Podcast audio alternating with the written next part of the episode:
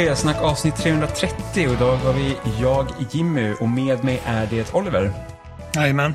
Amanda Ja, det stämmer. och Norrlands stolthet, Stefan Norlin. Det stämmer också. Gör det det verkligen? Gör det det Stefan? Den här gången. Stämmer. Är, är, du på ditt, är du på ditt A-game idag? Eh, jag är på mitt double S-game. Jaså, vad betyder det? Förlåt mig. Eh, Men Oliver, Du vet, Devil May Cry status. Över A kommer S. Dubbel S. Trippel S då? Eller har du inte nått upp till toppen än? Eh, man säger att man ska avsluta på topp, så att... Vi har ju börjat. du, du väntar på att toppen ska nås? ja. Då kommer jag bara... Trippel S. vad har du haft för dig sen du var med förra gången? Eh, jag har ingen aning vad jag har hållit på med. Jag har levt här i det dystra i skogen. Nor- Norrland, ja, i skogen. In the land of the mi- midnight soul och eternal winters. Mm, där corona inte existerar för det finns inga människor. Exakt. Tågbranschen går bra. Ja, Som på räls. Ja. Kunde- Det, det har inte mig. Det är bara Typiskt björnar som åker med. Typiskt tåg att gå på räls ja. Ja. En jävla peskig tågen som går på räls. De är så jävla smagg. De smagga tågen. så jävla, de är nöjda när livet går som på räls. Jag åker förbi och bara... Ja, man bara, vad har ni gjort för att förtjäna det här? ja. Så vad... Eh, som vi, vi alla spelar Last of Us, men vi tänkte inte prata om det på en gång för att det kommer vara ett ganska stort segment att prata om. Eh, så vi, Alla förutom den här dystra själen. Ja, vi, vi bjöd in dig Stefan för att du skulle kunna sitta här och lyssna när vi pratar om The Last of Us och bara, åh har inte du fått spelet än, vad synd. Det Nu lät ska du oss få höra hitta hur in till jävla skogen. trevligt det är. Mm. Så går det när man inte kör digitalt alltså. Ja. Eh, join the 20th century man. Jag shit the bed på den där. jag, jag beställde ju specialutgåvan, den stora, eh, från webbhallen. Och eh, eftersom det Last of Us kom ut på midsommar Mm. Afton. så, eh, så skickade de inte ut spelet i förväg. För att Sony var typ stenhårda på att inte Ja. någon får bryta liksom releasedagen. Det Fast, jag spelar ingen fick, roll att svenskarna firar midsommar. fast jag fick en notis från Postnord att mitt paket var ivägskickat i tisdags. Typ den, vad är det, 16? ja, fast jag tror att, hade du också beställt från webbhallen? Ja. Mm, de förbereder sina paket, vilket gör att då får Postnord så här information om att det här ska hämtas upp och sen får de förmodligen ett datum när det ska hämtas, den Jaha. liksom leveransen. Ah. Eh, för att då vet man att då har liksom ordern gått igenom och då ska det planeras att skickas. Ah. Men jag köpte det också digitalt för att det var lite bäst. Men jag läste att de som hade, det var många som hade förbokat via spelbutiken som fick sitt så på morgonen, typ sju på morgonen på midsommarafton. Oj. De som hade beställt hem. Spelbutiken är risky business ändå. Ja. För att de är så himla... Alltså jag beställde jämt från spelbutiken förut. Det gjorde jag också. Tills Batman ungefär. Alltså, visst, jag har beställt några små grejer därifrån, men när Batman Arkham Knight släpptes och jag köpte det på PC och mitt spel inte fungerade så var det liksom så här, inga pengar tillbaka, ingen liksom återlämning. Visst, det är liksom inte så konstigt att det är en PC i och med att den förbrukas liksom när man använder den så. Men att man lägger ganska så mycket pengar på ett spel när det släpps och sedan får man liksom ingen kompensation överhuvudtaget. Det var typ så här, ja men du kan ju vänta tills det kommer lite uppdateringar så kan du testa om det går då. Och man bara så här, mm, det här är bara ett spel jag har väntat på i jättemånga år, men eh, ta en liten batarang rakt upp i Stinky så Men norrmännen köpte ju spelbutiken och sen blev det sämre. det är så det alltid går till. Ja, Allting blir dyrare, allting blir sämre. Nej men det var... Så jag, jag kommer ihåg att jag bokade mitt Wii från spelbutiken och sen gick jag över till CD-ON och sen därifrån webbhallen. CDON beställer jag en hel del ifrån. Jag tycker att det är väldigt eh, bra alltid i stort sett. Jo men det är oftast, alltså, vill man typ ha film och sånt så det är bra från CD-ON för att webbhallen har typ slutat med film. Mm. Ja, men jag brukar ibland beställa därifrån om jag ska beställa liksom många olika typer av kategorier. Om jag ska liksom beställa kanske spel och böcker och film i ett eller någonting sånt. Eh, som sagt, i och med att man kanske beställer över en viss summa då så kan man ju få fri frakt. Så det är sånt liksom man försöker att få det att eh, sammansvetsas tidsmässigt. Men sen är det så här, CD-ON, de har ju typ blivit någon sån här mini-Amazon också för att de, de köper ju liksom in från andra retailers. CD-son. Ja men typ så här, du kan beställa böcker från Ali, Adlibris via CD-ON. ja, Vilket är så här, det är så weird. För det är ibland man köper så här kurslitteratur så bara, men det var en hundring billigare via CD-ON än från Adlibris. Och så köper de böckerna från Adlibris och man så bara, jaha. Märkligt. Och då tar det extra lång tid. Jag höll på att leta efter såna här Mario och Luigi-rollspelen till 3DS. Mm. Och då var jag på CD-ON bland annat. Och då står det typ på vissa, typ, ah, det här är från spelbutiken. Så att Det de är är, jättekonstigt. ja, som är som en mellanhand. Man bara, vad fan. ja men det är samma sak med den här Fyndik. Den sidan, där kan det komma massa olika grejer var som helst ifrån. Mm. Så alla förbereder sig för när Amazon tågar in på marknaden också. Det har varit jättemycket rykten om att, att Amazon ska öppna ett kontor. Eller en butik i Sverige. Mm. Så man får se. Även om det är ganska okomplicerat att beställa typ från Tyskland eller eh, Storbritanniens Amazon. Fakt. Men eh, vad har... Eh, Stefan, vad har, har du spelat någonting roligt i, i, eh, i veckan? Ja. Eftersom Jag, du inte har fått spela Last of Us, jag tänkte du måste ha dränkt dina sorger i någonting. ja, jag håller på att skifta mellan... eh, jag ju, har ju kommit till 2017 nu. I mitt liv. I mitt spelliv. Så att jag har just... eh, Ah. Jag, jag håller på med Horizon. Och så, hittade, så hittade jag även uh, remastern på Kickstarter av eh, The Wonderful 101 från Wii U. Mm. En titel jag missade för jag hoppade över den konsolen. Och då Men- fick jag chans att spela det. Men om, men om du är på 2017 så har du spelat Breath of the Wild?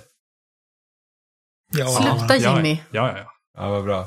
Tog det i rätt ordning. Det, det, det, det, det spelade jag faktiskt. Jag köpte ju Switchen en månad efter release tror jag. Ja. Uh, det var som att jag hoppade i... Jag upplevde som att resa fram i, i, åka i till framtiden och bara Breath of the Wild. Sen åkte, var jag tvungen att åka tillbaka till, vad vart var jag då? 2014 eller någonting. Kan göra ett pitstop i... Ja, jag var tvungen att bara hoppa i tiden och... Tillbaka till nutiden. Ja, precis. Jag gjorde en Ratchet Clank Rift Apart. Så vad tycker du om eh, Horizon då? Eh, det, det, är, det är kul. Det är, sån där, det är sånt där spel som är... Så jag, jag tyckte det var lite segt i början. Det är, alla Open World är så sega i början. Och sen blir det roligare ju mer man låser upp, ju mer man lär sig. Som alla andra sådana där Open World-spel. Och, och, och, och sådana där spel är så... De, är- de är så farliga för mig. För jag vill som beta av varenda liten pryl jag ser. Det bara, här finns lite karta jag inte har sett än, nu måste jag gå dit. Och så har man typ ett main mission. Står det typ, ah, det är typ 200 meter bort. Och så säger jag, ja men 100 meter till höger, då är det en grej på vägen. Jag kan dra en liten avstickare och gå dit och kolla eller hämta någonting. Så när jag väl är Piece där, of candy. Bara, oh, piece of candy. En piece of candy. Och sen när jag kommer dit och säger, ah, men om jag fortsätter upp här för berget typ 200 meter till, då är det en annan grej här. Och sen är jag typ 2000 meter från mitt main mission igen och bara, ja, ja, ja. Så jag, jag, storymässigt är jag nog inte jättelångt. Jag har just kommit till något ökenlandskap ungefär. Men jag har kommit upp till level 25, 26. Och hållit på att låsa upp massa sidogrejer hela tiden. Jag vet ju att du inte är jätteförtjust i sådana här liksom tradition, eh, traditionella open world-spel. Så när du frågade mig vad ska jag spela härnäst, Wolfenstein 2 eller Horizon? Ja. Så sa jag Wolfenstein. eh, för att jag vet att du kommer gilla det. Och men du borde också spela Horizon liksom när du får chansen. I alla fall ge det en chans. Ja, jag börjar lägga upp mina spel nu att jag försöker hoppa lite i vad för slags spel jag spelar, alltså genre av spel. Mm. Så jag hoppar lite, Ja, för att Ja. Shovel Knight är klar. Liksom. jag, jag säger kör varannan. Bara nu är Horizon, sen blir det Shovel Knight. Och sen, Sen kör jag... Ja, och sen, sen Shovel Knight. Shovel Knight. sen Last of Us, sen Shovel Knight. Se om du kan eh, liksom ska skiva av lite sekunder på ditt bästa rekord på Ja. Shovel Knight. Ja. Eh, nej, men nu, jag tänkte faktiskt göra en till time jump nu till förhoppningsvis imorgon och spela Last of Us. Mm. Ja, men vissa, vissa grejer måste man ju liksom ta tag i när de kommer. Ja, Jag kände jag, jag, jag har gömt mig hela helgen från Reddit och internet. Och bara sett Ja. hur Metacritics score bara sjunker. Och så här, från kritiker bara stiger betygen och från users bara sjunker det. Ja, folk är oskulder. Eh, nej, men eh, alltså, jag vet, vilka är det de här liksom, de spelen som, som du har bara fått varit tvungen att ta tag i och faktiskt liksom tagit igenom på release. Jag vet, Zelda var det. Eh, eller ja, från det att, ja, från det att du köpte switchen och givetvis. Ja, Super Mario Odyssey var ett annat spel som du var på liksom snabbt. ja det, det var en sån där... eh, Jag bara, ja men jag fick hem det. Jag bara, jag ska prova det kände jag. Så, så tänker, jag upplevde som att jag provade en timme ungefär. Så kollade jag på klockan och det hade gått sex timmar. Man bara, oj. Mm. Och sen kunde jag inte sluta förrän jag hade 999 månader i det. För du vet väl hur jag spelar Oliver? Jag måste Ja, liksom, men du är, du är stollig. jag måste ha allt. Ja. Men är, är det så när det kommer typ till trophies och achievements också? Eller är det bara Eh, liksom i spelen du har den? Det beror på lite vad det är för spel. Uh, och ibland, ibland tänker jag, ah, jag ska inte ta, jag ska hålla mig, jag ska inte försöka ta Platinum här. Och så när man spelar klart, men det är typ bara två trofis kvar. Så sitter man och dumnöter. Som sist, jag körde, uh, jag körde Anthem. Uh, för i, nu i, var det januari, februari? Det har du tagit igen. Ja, jag, det av alla spel. men det, det, det var så här på Black Friday, jag tror det var 39 kronor för Anthem. Så körde inte, ens, E- inte ens EA rör Anthem. nej, jag och två kompisar körde, så körde vi igenom det. Och efteråt jag bara, ah, det är bara lite collectibles grejer och sen uh, råkade jag ta Platinum med det. Som man gör. Ja. Jag försöker ju att eh, sakta men säkert jobba mig upp till en platinum, jag kan inte prata heller, platinum i eh, Batman Arkham Asylum. Nu tänkte jag. Mm. Ja. Eh, jag tog ändå ganska så mycket nu senast när jag spelade på Xbox, men sen så föredrar jag ju att ta trophies för jag tycker att det är mer till- tillfredsställande.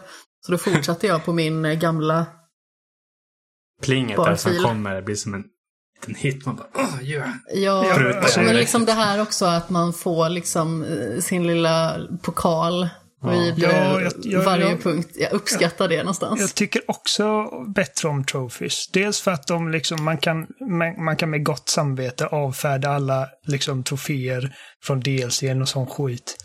Eh, och just det här liksom att du får din Platinum. Alltså den är inte bunden till någonting utan den får du när du är klar. Ja. Eh, ja, Mm, men- det gillar jag också.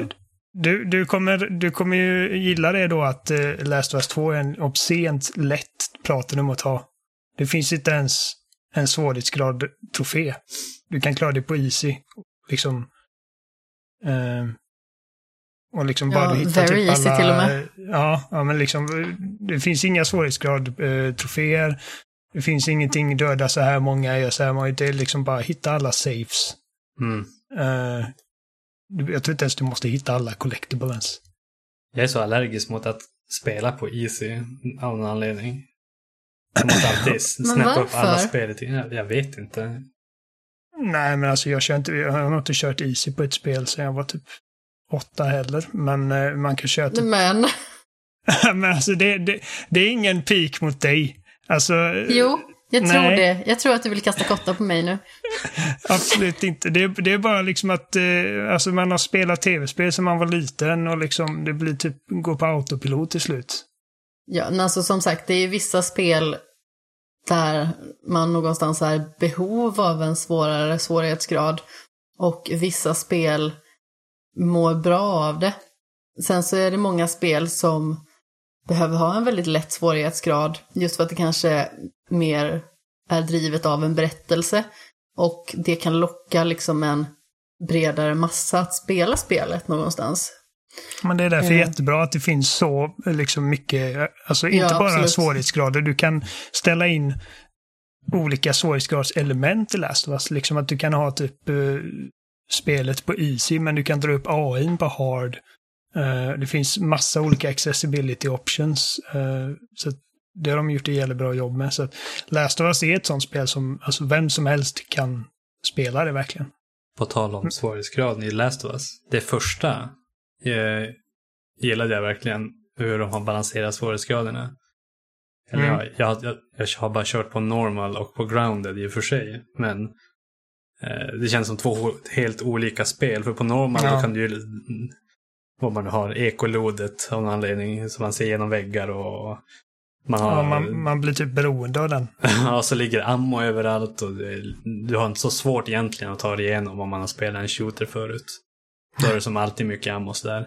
Men på grounded då har du som ingen hood längre när du sitter med en pistol. Du måste räkna skotten. Ja, precis. Man får inte se hur mycket ammo man har ens. Nej, Och, och, du, så, inte, du har inte listen mode. Och alltså, jag tror man öppnar liksom, vad är det? En på hundra sådana här lådor man öppnar som det faktiskt finns resurser i. ja, jag tror jag fick Nästan allt är tomt.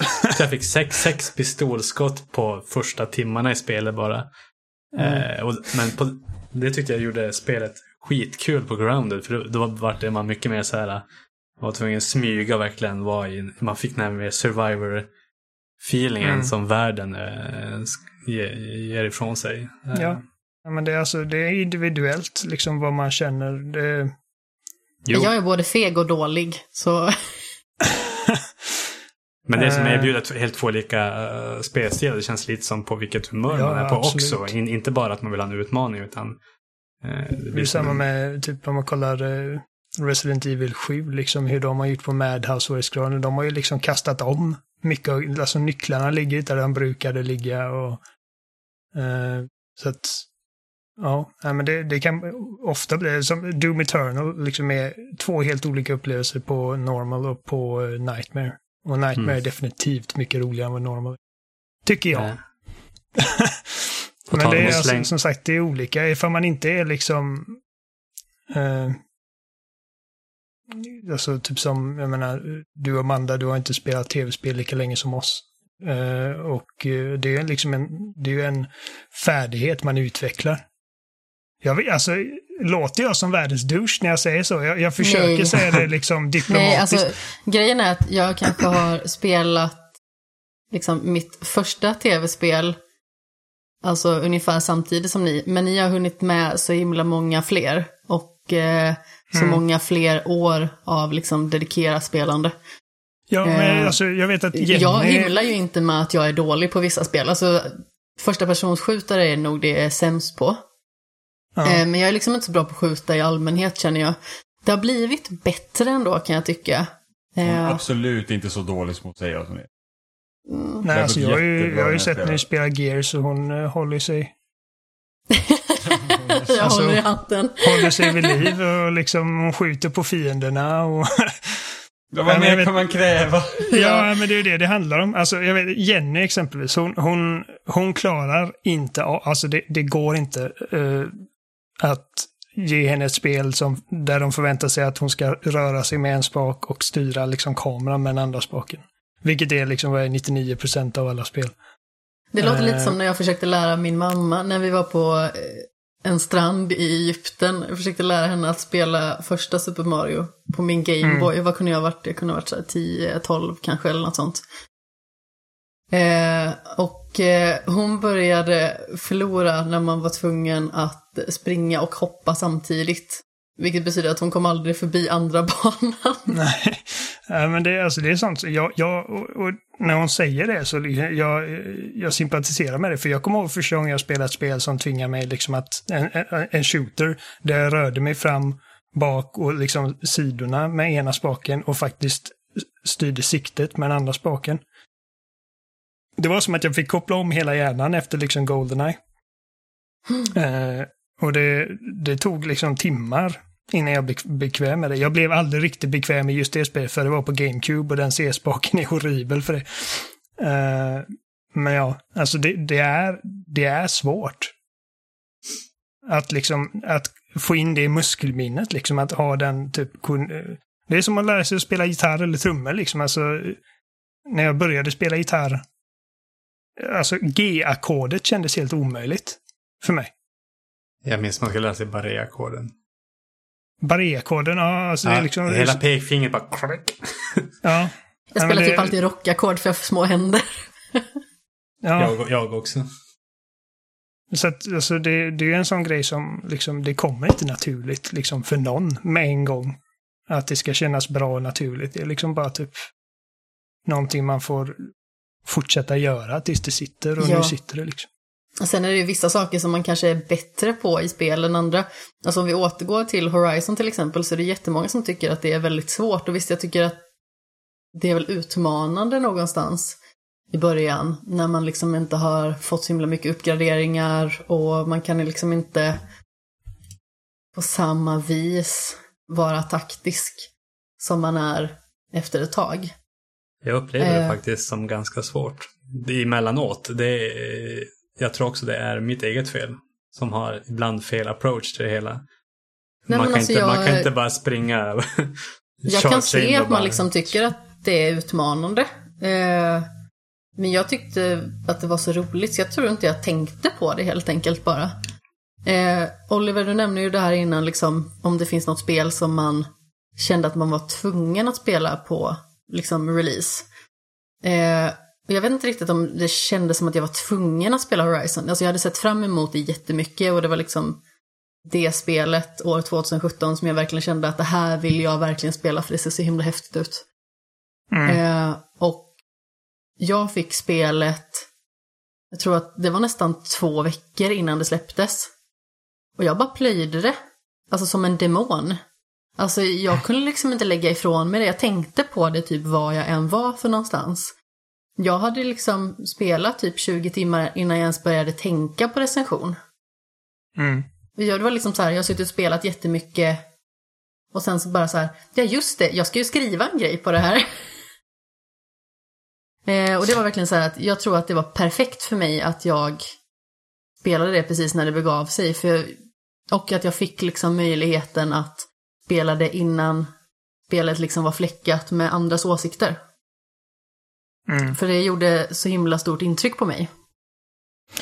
Ja, men alltså Horizon är inget lätt spel. Jag vet Stefan, du skrev till mig häromdagen och sa liksom att det, det, det är inte lätt alla gånger. Och eh, jag menar, alltså jag körde ju på normal och jag hade, Ja, det gjorde jag Ja, också. jag hade delar liksom där jag kände oj, alltså vissa Nej. typ monster och sånt som jag höll mig undan som fan. Alltså vissa, ja, robotar. Eh, Men är man inte försiktig ibland då åker man ju på däng. Ganska Ja. hårt också. För att det liksom, det, det kräver visst liksom en viss... Alltså nu känner jag ju så länge sedan jag spelade spelet så jag har svårt att minnas det. Men alltså det finns ju så många olika ammotyper, så många olika liksom Ja. vapen och alla, alla fiender kräver en viss approach för att liksom kunna ta sig effektivt. Och det Jag vet första gången jag liksom började fightas med en eh, eh, Thunderjaw Ja. med stora T-Rex-liknande grejer. Alltså det var ju liksom en typ en kvart, 20 minuter fight med den.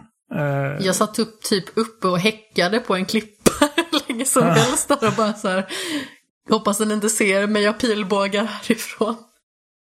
Så att, eh, ja, man känner sig inte jättestor när en sån liksom typ hela eh, robotdinosaurie kommer springande så du har en pilbåge liksom.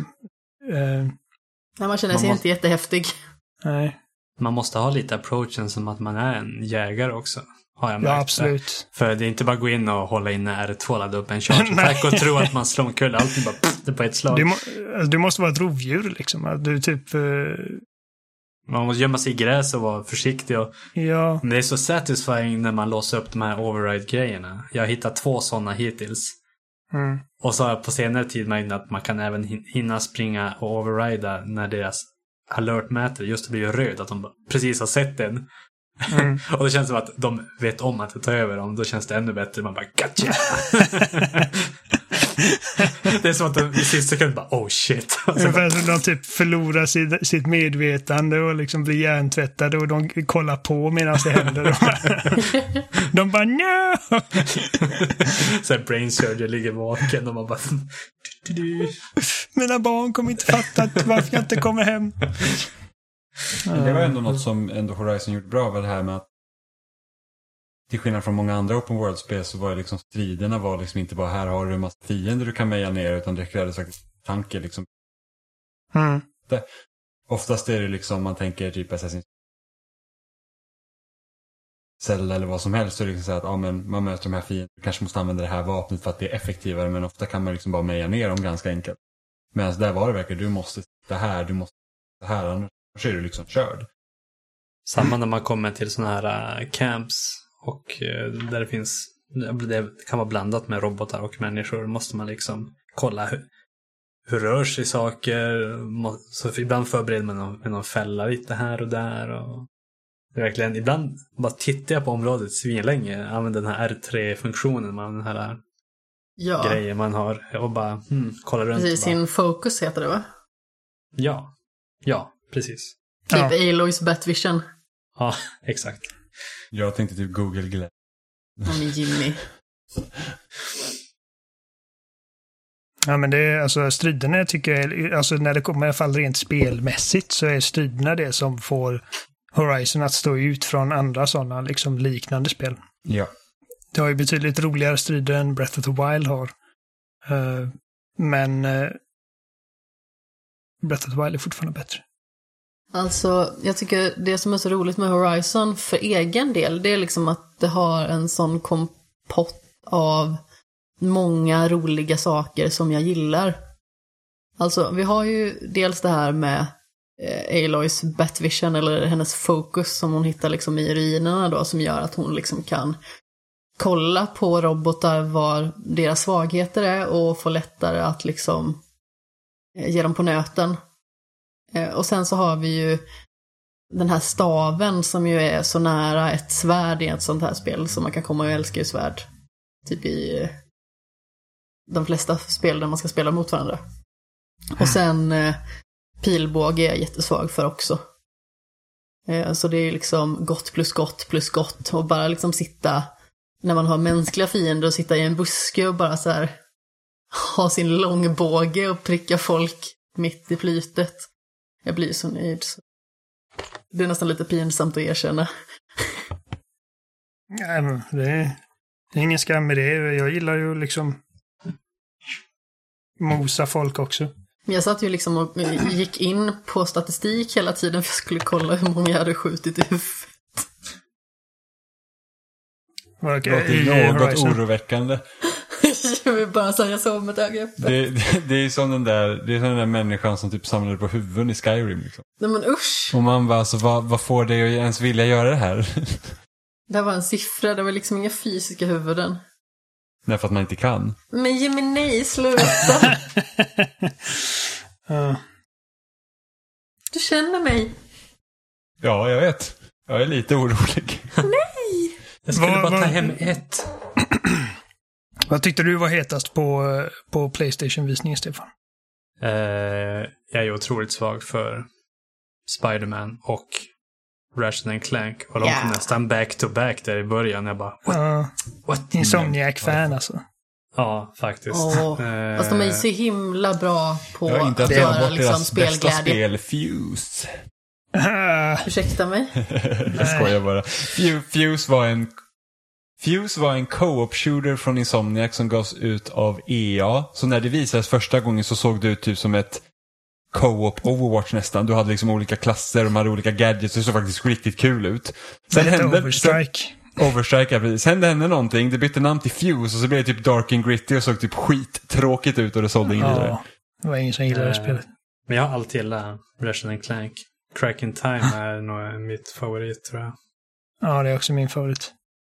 Briljant Så att det- är det. Ja, och så fick man se lite SSD-disk där in action när de hoppar mellan världarna med snabba laddtider och sådär. Det var Ja. sjukt. Jag... Och de, eh, jag såg, de har släppt en ny sån här typ uh, Insomniac Developer Talks, så här snabb tre minuters video. De snackar om liksom hur de använder triggersen i kontrollen. eh, typ som man har en eh, double barrel shotgun och att man Mm. typ har motstånd i triggern eh, när man liksom squeezar den och när man kommer halvvägs så skjuter ett skott och så liksom trycker man hela vägen så kommer nästa skott. Och Ja, jag liksom, såg det. ja, eh, Ja, det är faktiskt väldigt spännande med eh, att eh, PS5-kontrollen liksom ska ha haptisk feedback genom hela, va? Om jag inte Ja, hela helt- kontrollen har väl haptic feedback och sen är det liksom, eh, vad, kallar de det? Eh, Nej, men det, det, är vad- det någonting är vad just med kontrollen triggern. heter. Jag vet faktiskt inte. Jag har ingen Eh, koll. Men just det här liksom att man kan få mer feedback än rumble, liksom. Det, det tror jag, det, det känns jättespännande. adaptive triggers kallas de. Mm. Just det. För att liksom Rumble Triggers i Xbox One-kontrollen är väl nice och sådär, även om jag inte tycker att det gör så här jättestor skillnad. Ofta drar utvecklarna på så jävla mycket Rumble ibland så att det liksom blir lite övermäktigt. Ja, men... Ja, man bara okej, mitt finger typ skakade loss. men... eh, Eller om man den- råkat lägga den på typ bordet eller någonting och katterna vaknar och springer och gömmer sig. Man lägger ifrån sig kontrollen så kollar en cutscene som bara brrr, hela bordet skakar. ja.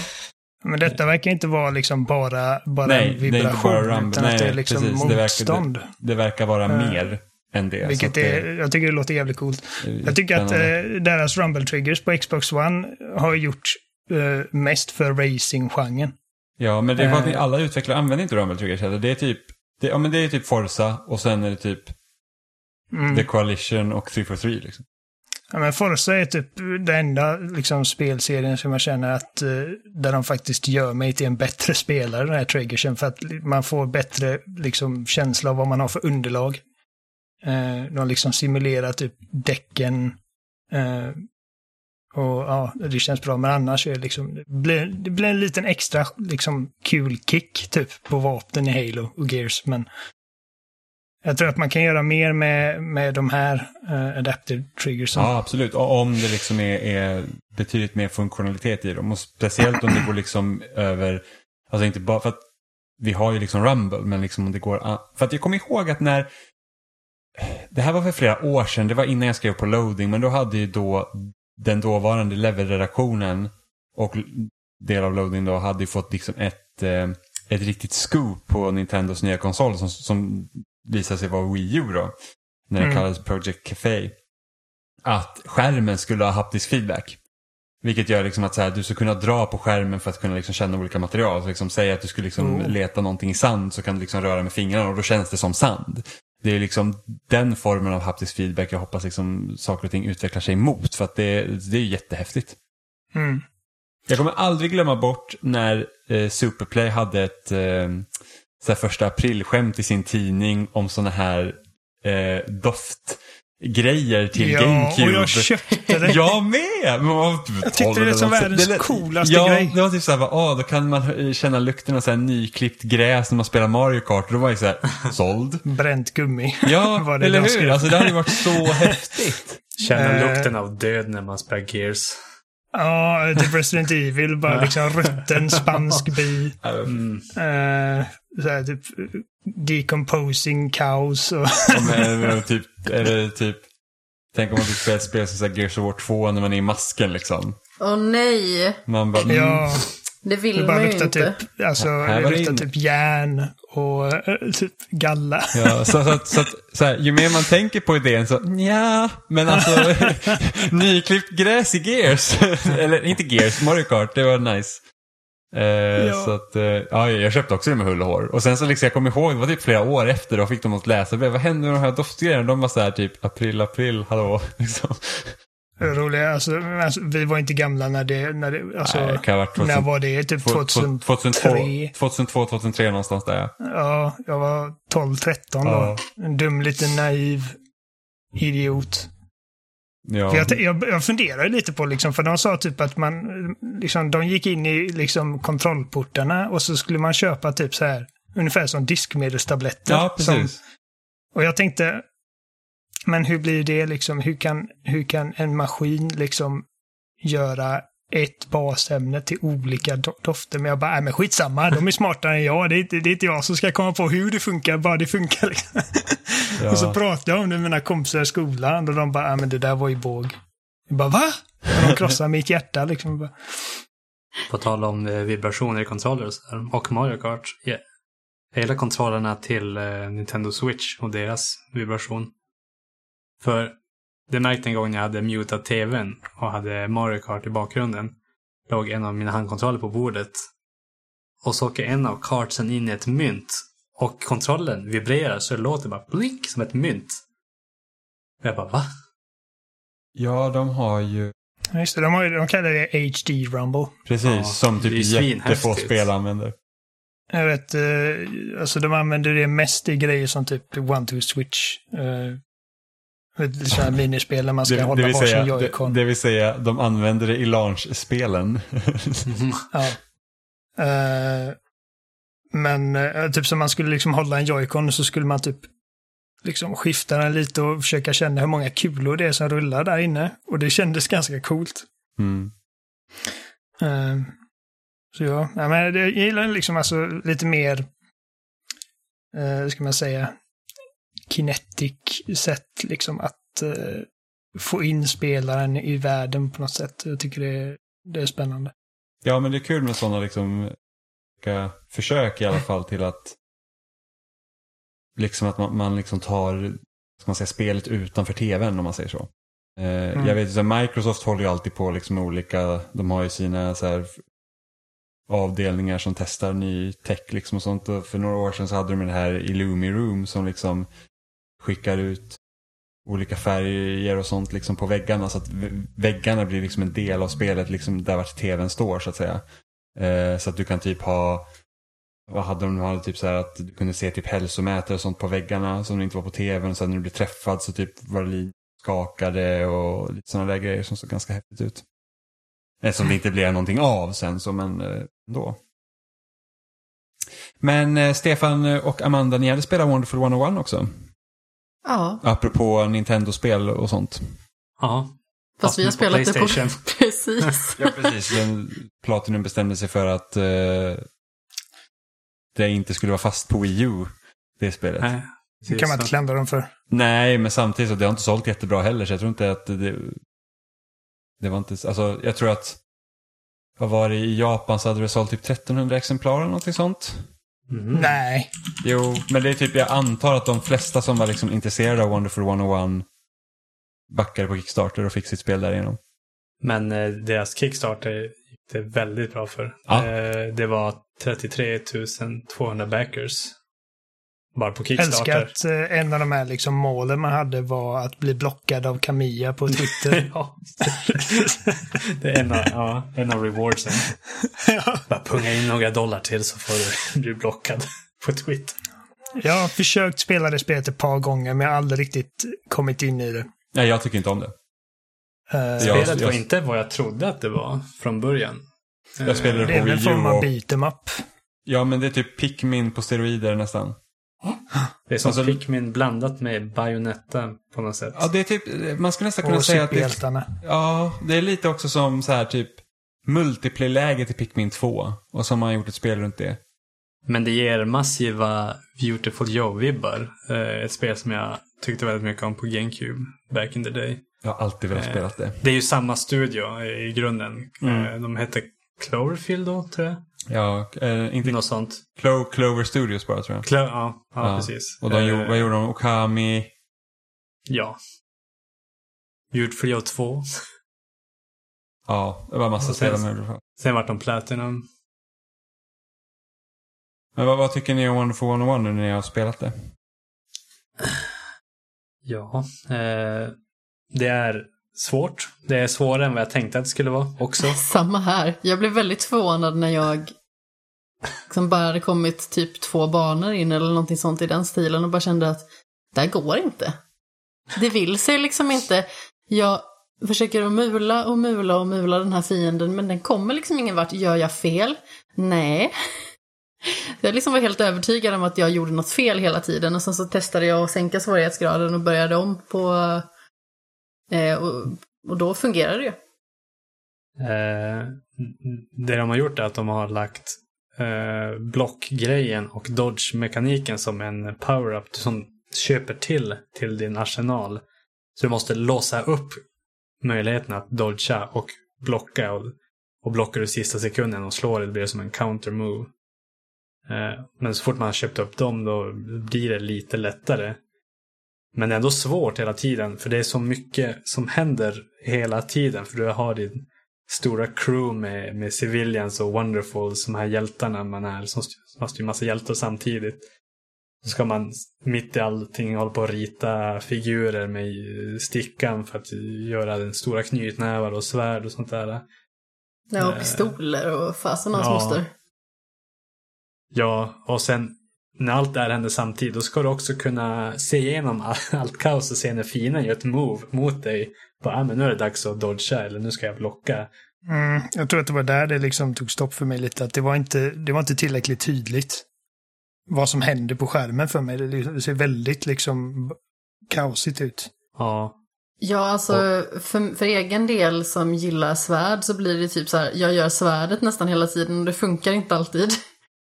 Eh, Nej, det... De... eh, Jag vet inte hur jag ska förklara det. De, de är inte jättebra på själva tutorial-biten i spelet. Att försöka lära dig hur saker och ting funkar. Eh, Jag, tycker, jag får känslan av att spelet behandlar en som att du har spelat det här spelet förut flera gånger. För så känns det som att det är så alla banor är uppbyggda. Eh, vilket säkert är skitkul när man spelar igenom spel och börjar om och har kvar alla power-ups. Att ah, nu kan jag det här som handen i handsken. Eller, eh, men det är många, man- många grejer man kommer på efter lite trial and error. Som att ah, men saker är färgkoder. Då måste jag börja använda saker. Som att den stora knytnäven är röd, svärdet är blått, eh, pistolen är grön och sånt där. Kan det vara små grejer i eh, omgivningen också som är färgade därefter. precis. Och sen, jag dog flera gånger på första kapitlets boss på bana 3.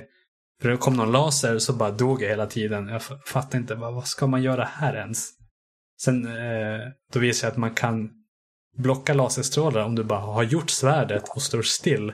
Och låter lasern träffa dig när du håller i svärdet.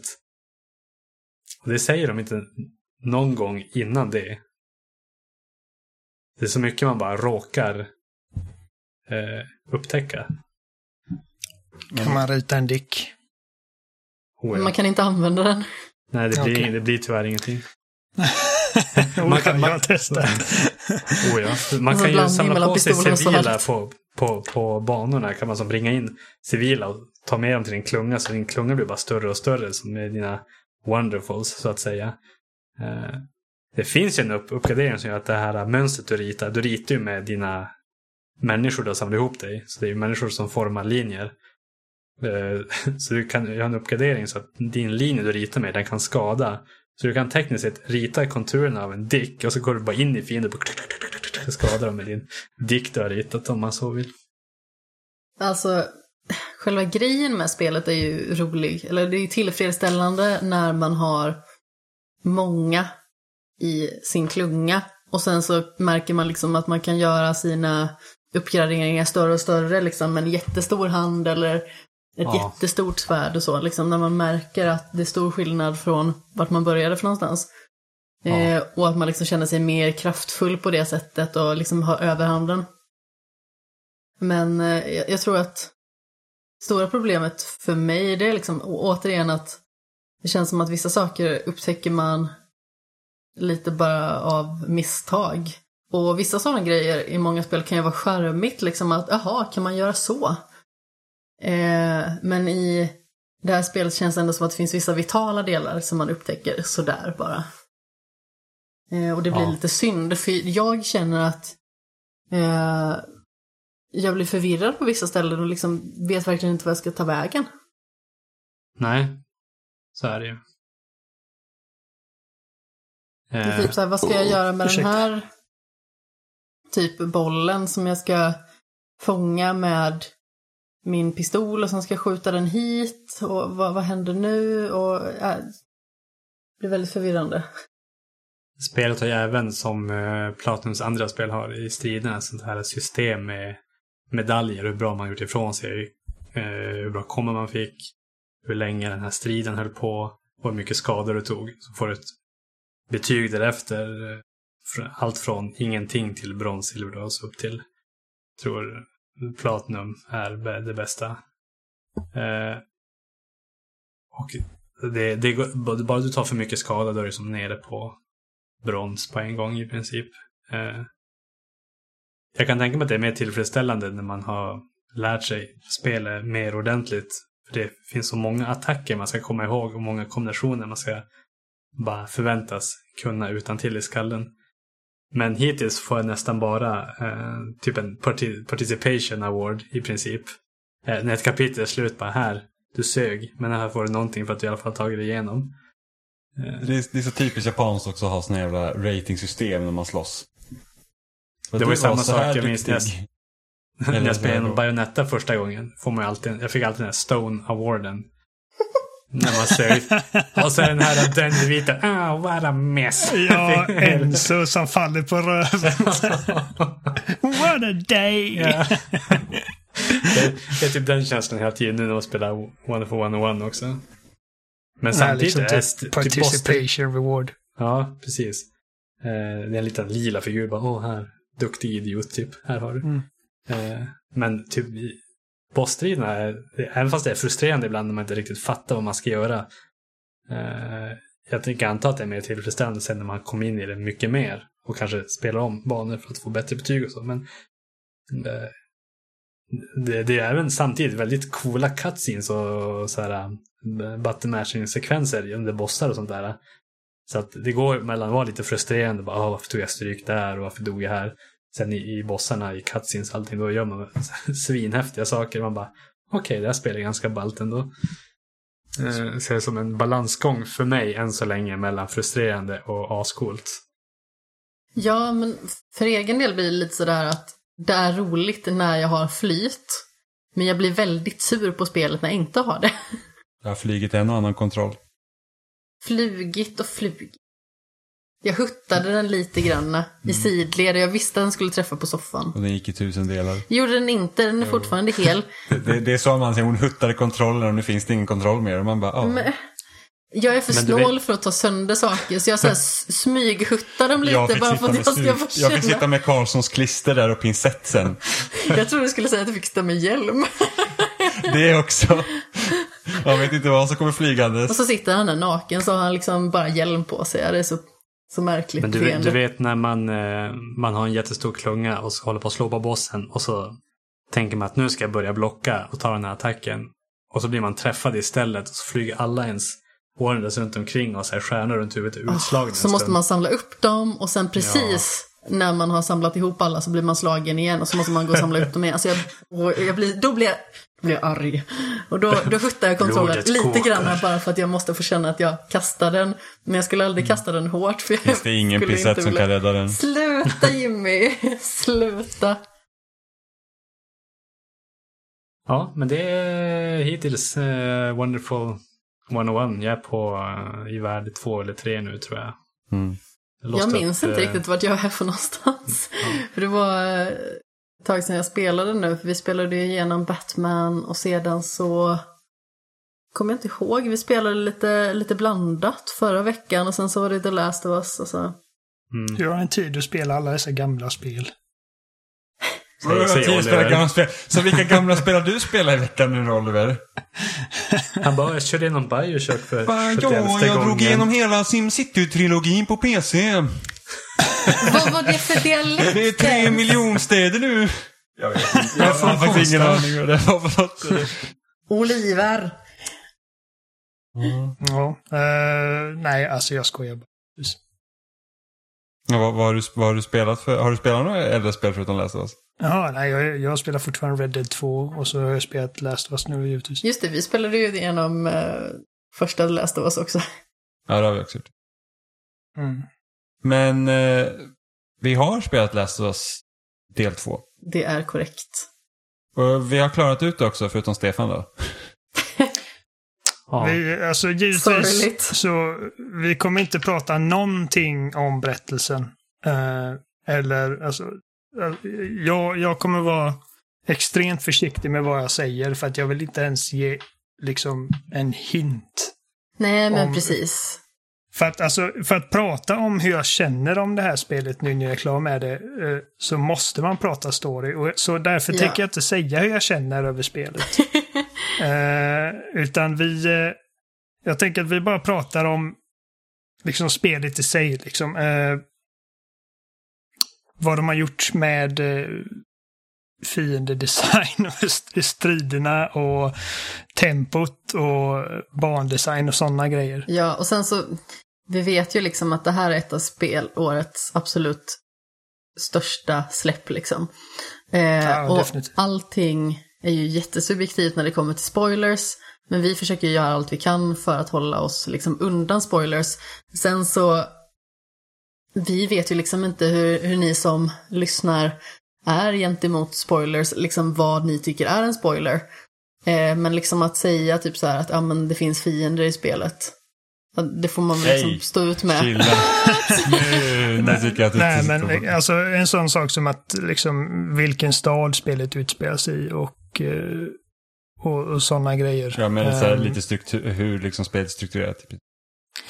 Så att om du var som jag, eh, som inte, alltså jag vill inte veta någonting, alltså eh, verkligen nada. Jag vill inte ens, ja, nej, inget. Så, Ja, att, då, jag- så då jag- kanske du, vad sa du Jimmy? det var jag som sa någonting. Ja, men då, då, då kanske du bara liksom borde sluta lyssna nu för att eh, liksom vi, lite kommer vi prata om det. Eh, Eh. Den jag har sett är E3 Reveal-trailern, tror jag, för något år sedan. Det är allt jag sett om. Jag har hållit mig bort från allt med spoilers. Mm. Alltså jag, jag har sett eh, reveal-trailern som kom på, jag tror det var P6. Eh, där när med Ellie sitter med gitarren. Och Mm. jag har Precis. sett eh, den Paris Games Week-trailern. Och eh, ja, det vi sett på E3 givetvis. Men eh, liksom innan jag spelade spelet så jag, jag läste ingenting om det. Jag, läste, jag, jag blockerade liksom alla hashtaggar på Twitter för att jag inte ville läsa om vad folk tycker om det. Alltså, så att om du är så, så, så kanske du borde hoppa ut. Men vi kommer inte, eftersom att Stefan dessutom är här och jag vet att Stefan är ganska spoilerkänslig. Och han har inte spelat det. Så då, Stefan vill då inte kanske du- veta att spelet utspelar sig på månen. Nej. Spoilers? Eh, så att eh, vi kommer givetvis inte vilja spoila för honom heller. Så att eh, det kanske är lite av en trygghet. Ja. Eh, jag vet inte var vi ska börja riktigt. Alltså... Jag, jag känner väl så här. Att jag tycker ändå att Naughty Dog oftast med varje spel har blivit bättre. Alltså man kan se tydligt vad, vad, vad de har lärt sig från det tidigare spelet. Liksom man, för jag vet, vi har ju pratat om det ganska ofta i den här podden. Liksom, jag var inte jätteförtjust i Uncharted-spelen från början. Eh, men liksom så här, del två är bättre än del ett, del tre är bättre än del två. Eh, Last of Us är bättre än del tre. Uncharted 4. Liksom hela den, jag tycker alltid liksom att man kan tydligt se lärdomarna och sen så har de typ vinklat sina spel till att, du vet, efter min smak, vad jag vill att de ska göra. Jag tror jag känner för Last of Us del 2 här att jag känner att det når liksom inte upp till Uncharted 4 eller eh, originalet. Eh, och, och jag tror det mitt största problem med spelet att det är på tok för långt. För att det tog mig runt, alltså det tog oss 26-27 timmar att klara ut det. Alltså det är 10 timmar längre än Uncharted 4. Det är definitivt det största spelet Naughty Dog någonsin gjort. Ja. Alltså både sett till längd och liksom spelyta. Och... Eh, för jag menar alltså om man kollar på vad de gjorde med Uncharted. Eller okej, jag vet inte nu kanske den öppna världen i Jack and Daxter 2 kanske är större än någon av banorna i Last of Us 2. Men ni förstår vad jag menar. Ja. Eh, det, det är enormt för att vara liksom den här typen av väldigt liksom strukturerat och eh, regisserat spel. Ja. Med den detaljrikedomen. För att eh, liksom inget, inget där har de släppt på för att, för att göra större spel. Det är fortfarande så liksom bisarrt detaljerat och välanimerat Ja, som man kan förvänta sig av dem. det som är så fint med Naughty Dog det är ju liksom att de kompromissar aldrig någonstans. Eh, och det har ju liksom verkligen, känner jag, just kvalitativt varit värt det eh, och motiverat varje gång de har skjutit upp sitt släpp. För det har ju hänt några Mm. gånger. Eh, och att bara liksom kolla på alltså, ormbunkarna eller gräset eller träden eller när man går in liksom i vissa utrymmen, alltså det det är helt makalöst hur de liksom har åstadkommit det här. Det var jättemånga gånger som båda två bara satt och Åh, kolla på det här, åh vad fint det är, åh, eh, kolla den här grejen. Och vad Ja. snyggt det här är. Och, eh, alltså just tekniskt så har de ju verkligen tagit det till nästa nivå. Ja, och, eh, och det, det är det, kan man ju super- säga att det, liksom, det kommer med den nivå av polish och liksom teknisk briljans som man kan förvänta förvänta sig. sig. De gör en inte besviken där.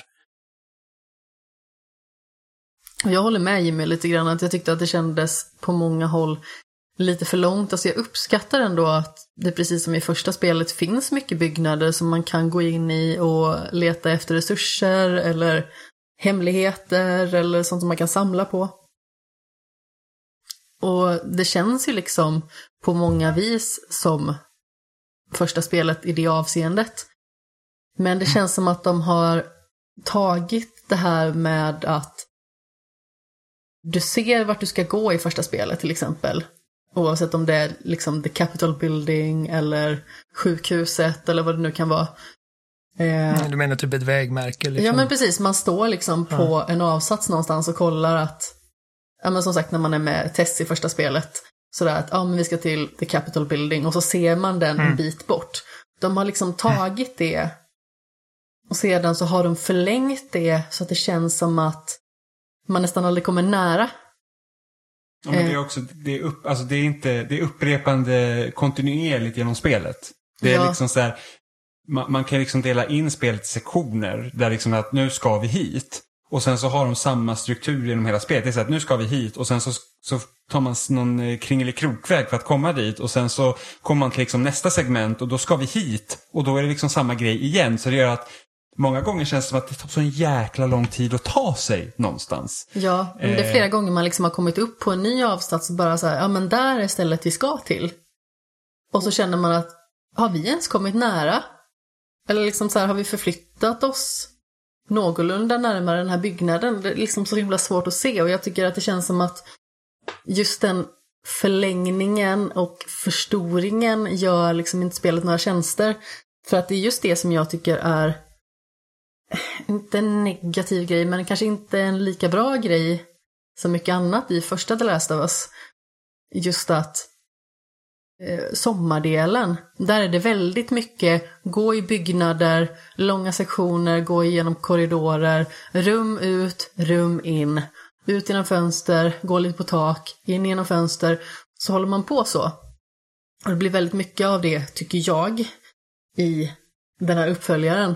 Och när det dessutom är så pass mer expansivt som det är, eh, med möjlighet att utforska ännu mer, alltså det är liksom inte en pluppar på kartan karta så eh, i The Last of Us som exempelvis eh, Asscrack eller Horizon eller vad det nu kan vara. Utan det är fortfarande liksom strömlinjeformat i sin öppenhet men det är väldigt stort. Eh, och det känns som att eh, dels kan det nästan kännas som att man glömmer av lite grann av vart man är på väg någonstans. Eh, och dels så känns det som att liksom, man passerar aldrig gå på något vis. Jag tror att en, en, en stor del i det här, för att, för att det man gör liksom är så här, mellan liksom striderna som finns i spelet så går man ju liksom och letar resurser för att man ska kunna crafta och sånt, precis som i första spelet. Eh, skillnaden i det här var att första spelet var väldigt mycket Joel och Ellies berättelse. Liksom att det var, varje gång det fanns liksom ett tillfälle för lugn i det spelet så var det också ett sätt att fördjupa deras relation eftersom det var liksom deras resa man, man följde med på. Och de går ju och pratar med varandra hela tiden, vilket också gör att man kan etablera någonting Ja men det känns som att man i ute och- tomrummet. Ja, och det känns liksom som att ja, men vi är ute och går tillsammans. Och det här finns ju också kvar i tvåan. Eh, skillnaden är att, och det här är någonting som jag tyckte redan kändes på en gång när man startade tvåan, hur mycket större liksom spelet känns i omfång. För att det är liksom mycket livligare, det är mycket mer människor, det är mycket fler karaktärer man kommer i kontakt med på en gång. Att det känns att, för att om man tänker introt i första spelet, ja, om man inte, inte outbreak day utan liksom sen när man är i quarantine zone. Så är det att även om man liksom får gå igenom quarantine zone med liksom Tess och Joel så känns ändå liksom inte den här det känns inte som att det är en stor levande stad utan det är väldigt mycket så här det känns ändå så här komprimerat till Joel och Tess. Medan här känns det verkligen att alltså Jacksonville känns stort. Eh, det, finns, alltså det, det är väldigt mycket som pågår eh, för att de här liksom människorna de, de liksom har ett eget samhälle som de lever i. Så att på det sättet så känns hela, he, hela liksom världen kring, liksom universumet kring The Last of Us känns helt plötsligt jättestort. Eh, och det gör också att när man spelar som Ellie så många gånger så får man liksom träffa på olika karaktärer som man går runt med. Det gör att, liksom att, att de här relationerna kanske inte blir lika djupa. Samtidigt som det är att du är ofta själv också. Vilket gör att de här sektionerna där du liksom bara springer runt och lutar och inte gör så mycket känns längre. Ja men precis, och då blir det lite larida. Man går och småpratar lite för sig själv, säger att åh, den här hittar jag nu. Eller vad det nu kan vara, eller dit ska jag inte. Eh, och sådana grejer. Eh, och det känns som att det faller sig liksom inte lika naturligt som när man har en följeslagare hela tiden. Och som sagt i första spelet, man är ju inte hela tiden med Joel, men man är det så pass mycket så att det liksom, det är de två mot världen på något vis. Och när man stöter på så många karaktärer och liksom får lite ytlig bekantskap, det blir liksom inte på samma sätt det här att det är du och jag mot världen och vi måste skydda varandra till varje pris. Folk känns lite mer utbytbara, om man säger så. Man kan liksom inte byta ut Joel i första spelet. Eh, Nej. som, eh, som liksom eh, Ellis, eh, vad ska man säga, jag höll på att säga transportör, det lät ju väldigt torrt. Men eh, hon är ju liksom någonting som han ska skydda hela vä- eh, vägen. Och skulle hon skyddas av olika personer hela vägen så skulle inte det vara samma sak. Om man säger så. Eh, men just att han har liksom sin bakgrund med väldigt faderliga känslor som har legat begravna i 20 år liksom. Eh, som är väldigt känsligt ämne. Och så tar man en flicka som är i nästan samma ålder som hans egen dotter. Och att det liksom är vad han ska skydda till varje pris liksom. Ta sig från en del av USA till en annan. Eh, det går ju liksom inte att göra med flera personer. Eh, och det är ju därför deras band blir så starkt någonstans. Alltså, jag tror att det är många som förväntar sig bara att, för att alltså jag, jag har liksom i sju år nu bara hyllat Last of Us som ett mästerverk typ varje chans jag får och jag, liksom Va? många Har som känner mig vet att vet att liksom det är typ ett av mina absolut absoluta favoritspel Samma här. någonsin. Och eh, det var många som, eller jag har några kompisar som jag tror bara förväntat sig att ja, men Oliver kommer liksom älska detta och svälja allt med hull, hull och hår oavsett. Och det gör jag inte riktigt för att jag känner liksom att när man jag blir i alla fall sån, många gånger känner jag att när jag är så förälskad i någonting så, så blir det svårare att tillfredsställa mig nästan. Um, jag tror för mig var ett, ett stort problem med spelet eller jag kanske ska börja med att säga så här, jag tycker fortfarande att detta är ett riktigt jävla bra spel. Det är bara att jag tycker spel, första spelet är bättre och gör många grejer bättre. Eh, och en av de grejerna är att alltså 90% av det här spelet utspelar sig i samma stad, alltså Seattle. Ja, alltså Och- det, det, korrekt. Det blir, alltså det blir väldigt mycket gående genom mörka korridorer med ficklampan tänd. Man så här bara, nu, Ja men precis. Och det regnar och Ja. alltså för att alltså, det var en sån häftig grej liksom att få följa de här två karaktärerna i första spelet. Alltså två helt olika människor. Som är liksom, alltså en gammal stofil och en, eh, en ung människa som aldrig har liksom vetat någonting annat än detta. Aldrig varit utanför karantänzonen i Boston. Och de ska liksom ta sig igenom från en punkt i USA till en annan. Och det liksom utspelar sig över ett år. Och vi får se liksom Boston, vi får se the outskirts där, vi får se eh, Pittsburgh, Salt Lake City och eh, det är så, man, det känns verkligen som att man är på en resa med de Ett här två äventyr. Även att det liksom kanske är ett ganska så Ja. rått äventyr och liksom Ja, mörkt. men Men, ja. likväl ett äventyr. En resa tillsammans. Här är vi i Seattle och vi besöker samma platser liksom flera gånger om och om igen. Och eh, det är liksom händelseförloppet eh, är inte alltid samma på de här platserna. Men, men det är ändå liksom att man besöker samma platser. Och jag känner att många gånger så, särskilt i den första halvan av spelet, så känner jag att man egentligen bara trampar vatten. Liksom att man ska till en byggnad för att man har en ledtråd och någonting där och sen så kommer man dit och så liksom händer in, ingenting egentligen. Och sen så är det liksom nästa ledtråd, det är en annan byggnad på andra sidan stan och så liksom kommer man dit och det händer ingenting egentligen. Och Alltså, Ellie går igenom massa liksom hemska våldsamheter och grejer på vägen, men det, det händer inte så mycket liksom rent storymässigt för att eskalera insatserna på väldigt det känns, länge.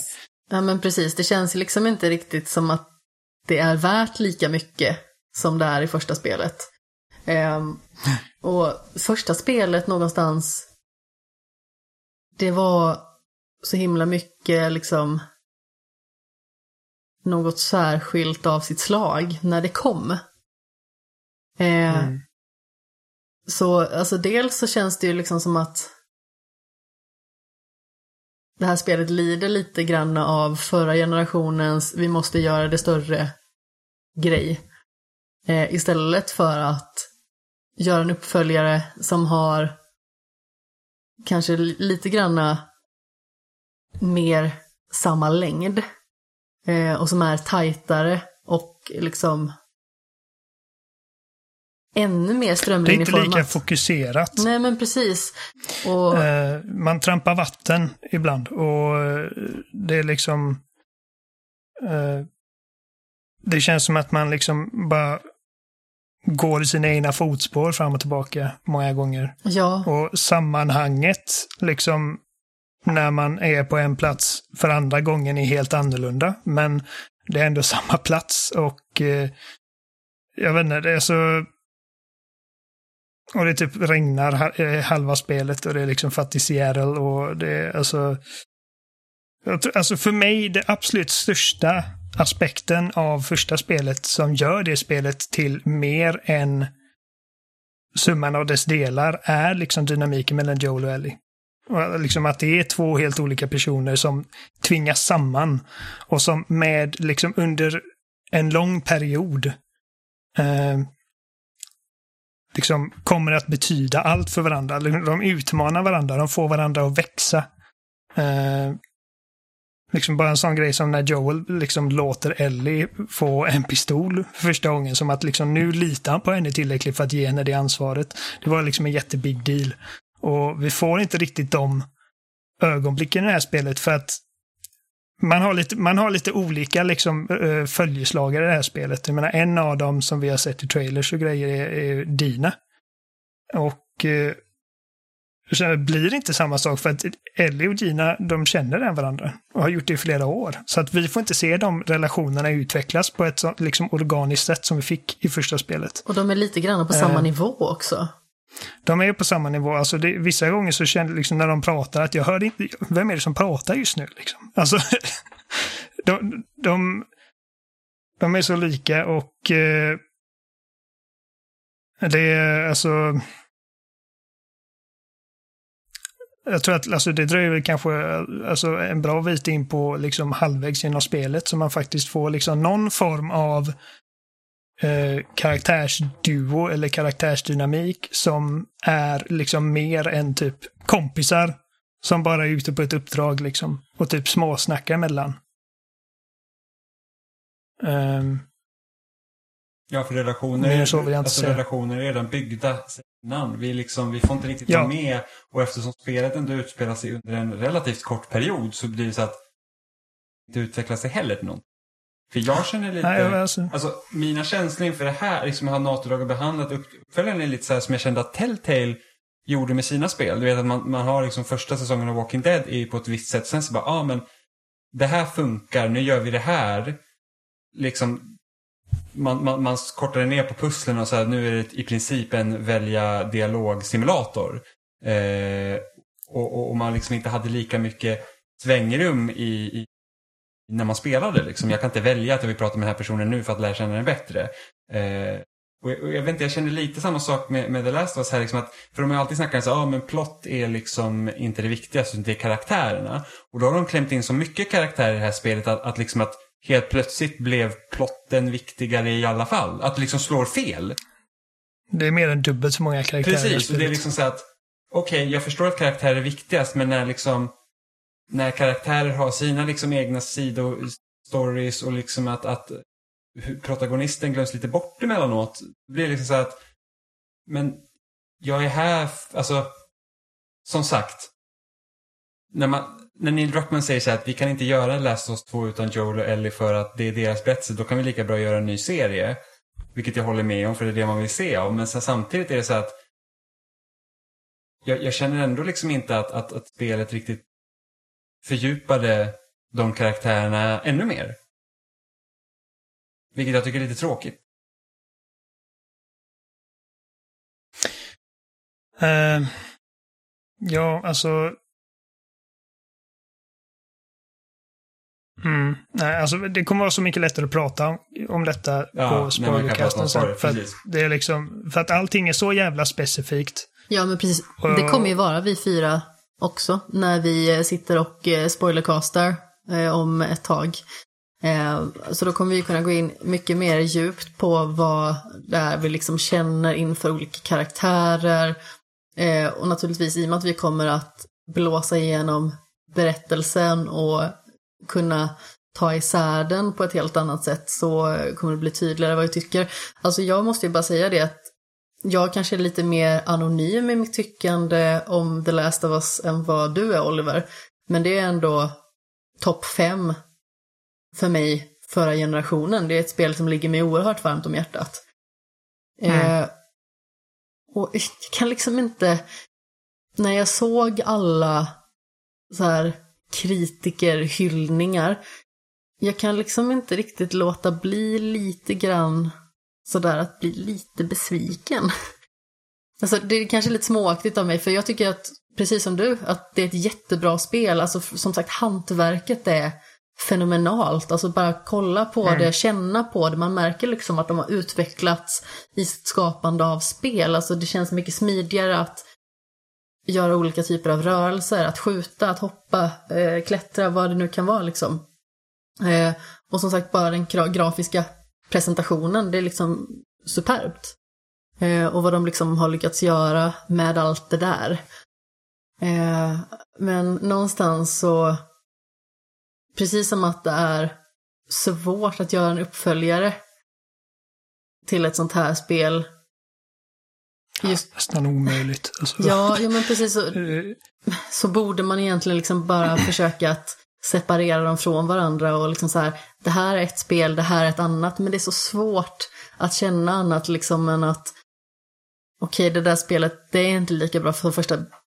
Då blir det automatiskt en liten besvikelse. Det känns himla smakligt av mig att tänka så.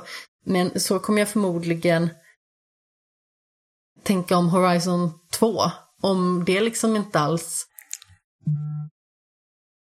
ja, når upp till mina förväntningar, eller vad man ska säga. Eh, jag känner att stakesen för Horizon 2 inte är lika höga för att... det är också en öppen liksom, värld liksom och det... Ja, sättet som det här, just Last of Us slutade, alltså det... Jag avundas inte liksom författarna Nej. för att liksom gå och liksom bestämma hur vi ska fortsätta detta på ett sätt som inte bara liksom gör fansen nöjda, eh, utan också känns liksom troget till karaktärerna och troget och autentiskt till den här världen som vi har skapat och etablerat. Ja, och det har ju redan kommit upp en sån här vidrig namninsamling, typ skriv om hela The Last of Us Part 2-historien. Ja, men, men Jag blir så alltså, arg lyssna på sånt. Men det är så här- Liksom, Okej, men gör din egen version av det i så fall. Men tvinga liksom inte skaparna att behöva, alltså oavsett om, om jag tycker att Game of Thrones till exempel, sista säsongen med facit i hand blev väldigt otillfredsställande på jättemånga Mm. sätt. Skulle jag tycka att det är rätt att tvinga skaparna att göra om sista säsongen bara för att inte den passade mig? Nej, för det är deras kreativa vision. De har velat göra Nej, på ett visst det- sätt och även om inte jag tycker om det så är det ändå vad de har velat åstadkomma. Och det får man acceptera som konsument. Det har vi pratat om liksom i podden angående liksom Mass Effect 3-slutet och så också. Liksom att, Älskat och hatat. ja, nej men alltså, alltså, man kan vara besviken och man kan gilla och man kan ogilla grejer, men alltså liksom någons konstnärliga vision är, jag känner liksom ändå helig på något sätt. Och det jag vet inte. Alltså, jag vill inte sitta här och liksom bara att göra hela den här segmentet om The Last of Us 2 till... De, det här är anledningen till att det inte är lika bra som ettan, för att jag tycker att det gör många bra grejer också. Uh, ja, alltså med tanke på liksom att det också är ett sju år nyare spel så finns det så himla mycket grejer som de kan göra nu på ett sätt som de inte kunde göra i första spelet. Och som sagt, det finns så mycket i spelet som imponerar på mig, där jag bara liksom suttit och bara myst och kollat på det och insupit. Och utan att avslöja för mycket så finns det liksom tillbakablickar i spelet som det kan vara några av de starkaste segmenten för mig, för jag blir liksom helt bara fylld i hela hjärtat på något vis. För att det känns liksom som att de bygger tillbaka någonstans också på var man kommer ifrån med karaktärerna. Mm. Och det tycker jag om jättemycket. För att, eh, jag vet inte hur man ska säga, de, de bara gör mig glad och varm inombords. Så det liksom finns referenser till många sätt. Eh, eller ja, eh, till många saker liksom i första spelet. Och man bara så, åh, vad fint det här var. Och, eh, men samtidigt så blir det liksom aldrig ett spel som bara existerar för att liksom vara fanservice. Och, för, och det, det känner jag att jag respekterar mest med spelet. att de... Det, jag kan inte komma på en uppföljare till ett spel som är mer vågad än denna. De tar massor av risker. Ja, och, eh, absolut. Det, de, de har liksom en vision om vad de vill förmedla. De har liksom sina budskap och sin tematik och de här liksom eh, händelseförloppen som de vill ta sina karaktärer på. Och de låter ingenting stå i vägen för eh, för att de ska liksom lyckas göra det på ett uh, autentiskt sätt. Um, Nej, jag tycker att... Och det är som jag säger, liksom det här hela, alltså när man snackar om typ The Last Jedi som jag vet att liksom hälften älskar och hälften hatar. Jag är hälften som älskar. Som är mittemellan. Ja, jag älskar Last Jedi och det är liksom en sån grej där liksom kill your darlings, alltså vad... Alltså, Släpp hästarna lösa. Ja, men liksom dina karaktärer är inte liksom ofelbara gudar bara för att liksom fansen älskar de här karaktärerna. Och jag gillar liksom när man faktiskt vågar erkänna det och ha karaktärer som har brister och liksom ställs för liksom, konsekvenser för deras handlingar. Och eh, det, det tycker jag att liksom, det här spelet förmedlar på ett väldigt bra Absolut. sätt. Liksom, det här, liksom, att ingenting är svart och vitt och liksom, våld föder våld och liksom, den, liksom, det är en obrytbar cirkel. Um, ja, alltså det tycker jag är jättebra i andra spelet också, liksom att det på många sätt adresserar problematiken som den här världen ställs inför. Att det liksom... Våldet kommer aldrig ta slut. På något vis. Eller eh, man kommer liksom aldrig kunna sätta stopp för att vissa saker händer. Eh, jag... Det var flera gånger i spelet som jag kände bara liksom att jag ville bara lägga från mig kontrollen nästan, för jag tänkte ifall jag inte liksom trycker på den här knappen nu så kommer Ellie inte göra det här som, som gör att det kommer bli värre. Liksom det bara, alltså, om du dödar den här människan så, ja. så blir det bara värre och värre. De bara gräver sig djupare. Ja, men det är ju det som är grejen, liksom det... att från olika håll och kanter så gräver man sig djupare och djupare in i det här liksom moment 22-läget någonstans. Att det går liksom inte att ta sig ur. Det är liksom en ond cirkel någonstans. Och precis som jag sa innan, att man liksom adresserar problematiken med vad de gör mot varandra. Alltså, och även liksom så pass långt tillbaka som till första spelet. Eh, jag tycker att de gör det jättebra. Eh, mm. Och att det någonstans är sådär att Joel är ingen liksom, felfri karaktär. Jag vet att det är jättemånga som idoliserar honom kanske jag vet, alltså det är liksom typ alla dessa Father's Day-memes. Och ja. typ, åh, världens bästa pappa. Även med Kratos, liksom bara, åh jo. Och jag tycker att han har så himla många brister. Men jag kan älska honom som karaktär ändå. Jag kan tycka om honom som karaktär. Även att han felar och gör många val som liksom är förödande. Inte bara för liksom väldigt specifika öden utan liksom för mänskligheten. Alltså bara första Ja, spelet det- där han liksom nekar hela mänskligheten att kunna ta ett steg vidare. Ja, en chans. Liksom. Och det är liksom också en sån sak som man skulle ju aldrig kunna sätta sig in i den situationen för vi har ju liksom aldrig ställts inför en apokalyps av den magnituden på något vis. Eh, och man vet liksom inte själv hur man skulle reagera eller agera om man skulle ställas inför någonting sånt. Men Ja, och de utforskar det valet han gör väldigt bra i det här ja, spelet. och Eh, man förstår ju varför han gör det valet han gör. Sen så kanske Ja. man inte sympatiserar med det och man liksom tänker bara varför gjorde du det valet? Du har liksom dömt mänskligheten på något vis. Men samtidigt så är det liksom de här starka känslorna man har för honom som karaktär. Det man gillar, det man ser eh, och det som man någonstans vet att Ellie ser i honom också. Det är liksom svårt att komma ifrån det, så man förstår varför han gör som han gör. Även att man liksom inte håller med. Eh, och jag tror att det är det som väldigt många har svårt att separera liksom.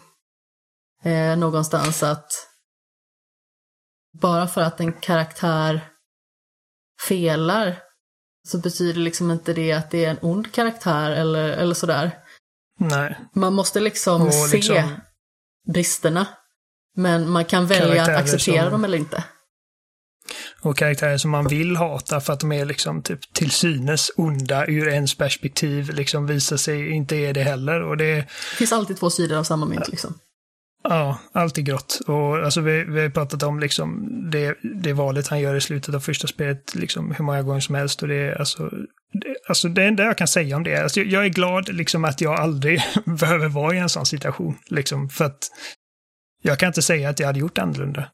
Och eh, jag förstår liksom varför han gjorde det och jag förstår och det är det som är så fattat. Det är samma liksom med Breaking Bad, liksom att man är inte på Walter Whites sida hela vägen, men man förstår alltid vad som driver honom. Och eh, man kan liksom se typ mänskligheten bakom. Och Och det är ju inte ologiskt hur han agerar. Det är ju det som är grejen. Det är liksom inte det att nej, det är någonting tv-speligt som bara kan göras i tv-spel, utan det är liksom så här.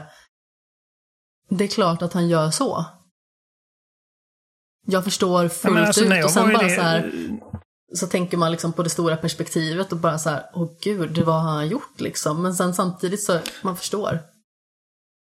Men när jag kom till den delen när jag spelade första spelet för sju år sedan så var jag liksom Fuck yeah, vi dödar alla här. Alltså, jag, jag, vill, jag vill inte offra henne. Men jag är liksom, Liksom. beredd att ta mig igenom vad som Det- helst bara för att rädda Ellie. Ja.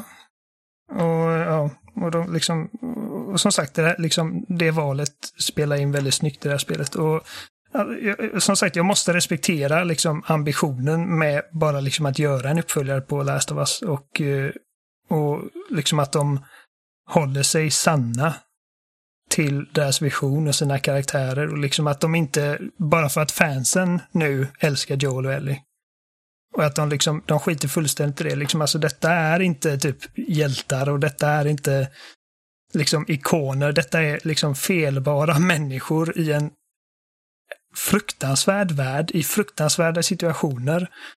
Och liksom i slutändan känner jag liksom att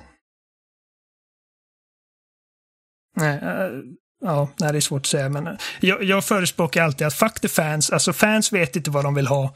Eh, liksom, Skit i dem, alltså- Skywalker.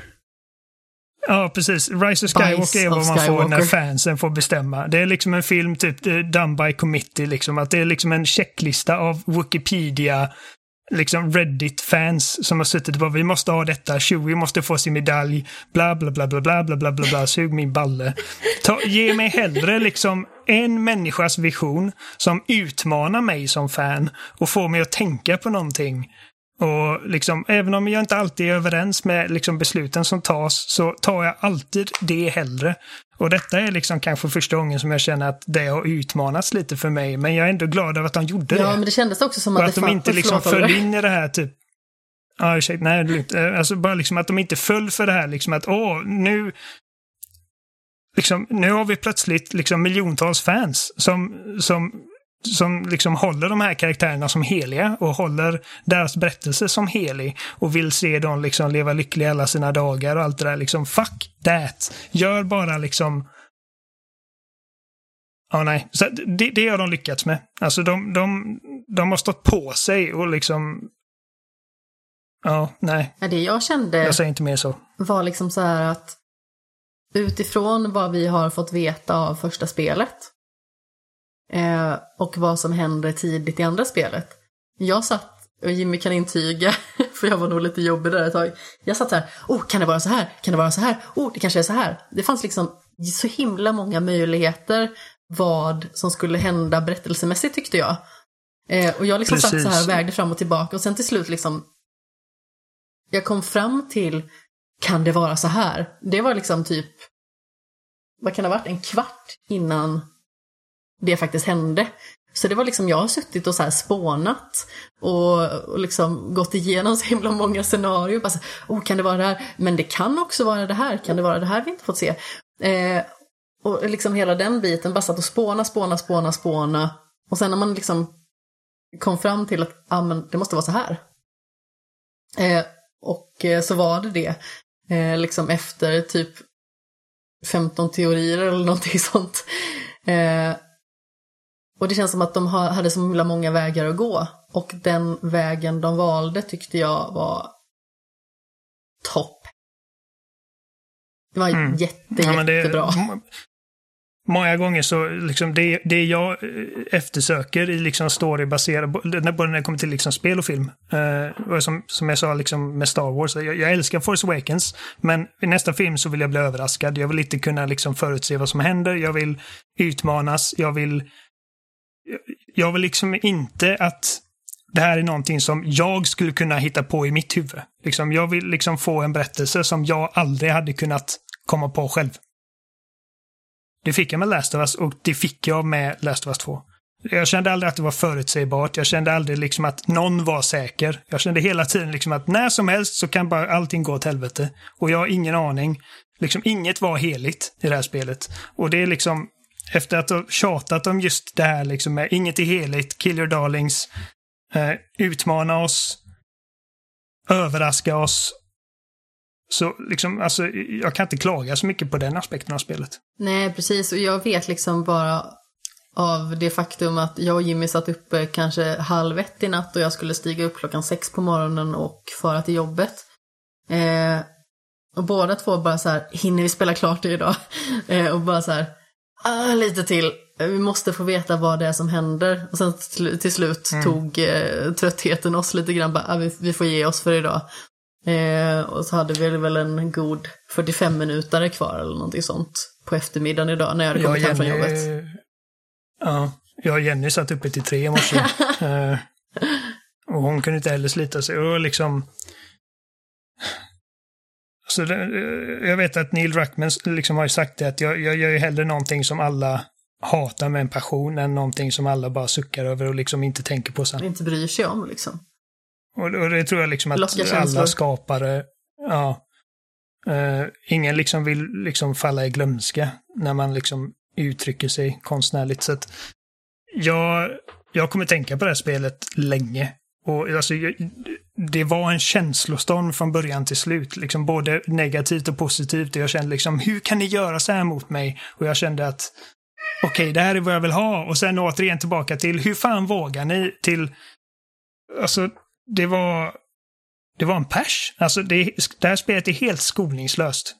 Helt skoningslöst. Och det, det bryr sig inte om dina känslor och jag älskar det. På ett sätt. För att liksom, jag visste aldrig riktigt vad jag hade dem och det, alltså det är klart, när man har sju år på sig att liksom fantisera liksom olika scenarion på hur man själv vill se de här två karaktärerna som liksom, alltså vid det här laget så är de nästan typ riktiga människor för mig. liksom. Jag älskar dem som om de vore riktiga människor. För de känns så väl realiserade. Och då liksom är det omöjligt att liksom mm, en uppföljare som det här inte kommer liksom typ stryka en mothårs vissa gånger. Man kan ju eh, inte vara nöjd med alla aspekter. Nej.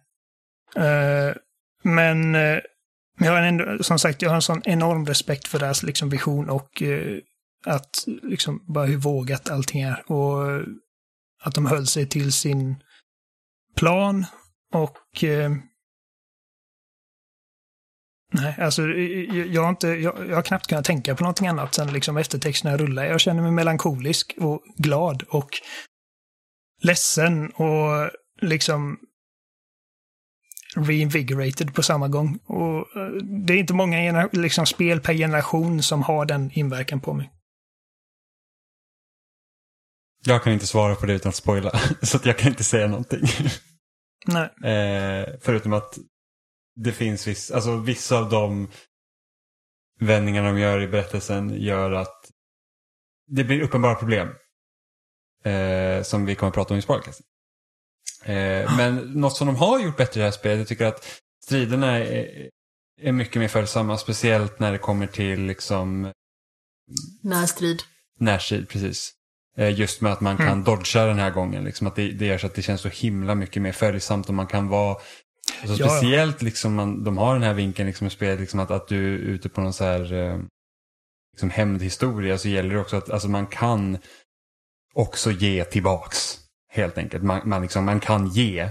Det, det är liksom visst att, att typ, om man jämför med första spelet liksom, när Joel liksom, eh, försöker liksom, överleva så kändes det mer som att de attackerna man gjorde där, det var liksom att okej men alltså, jag, jag gör det här för att annars dör jag. Medan det har varit med Mm. Ellie så att jag gör det här för att jag kan.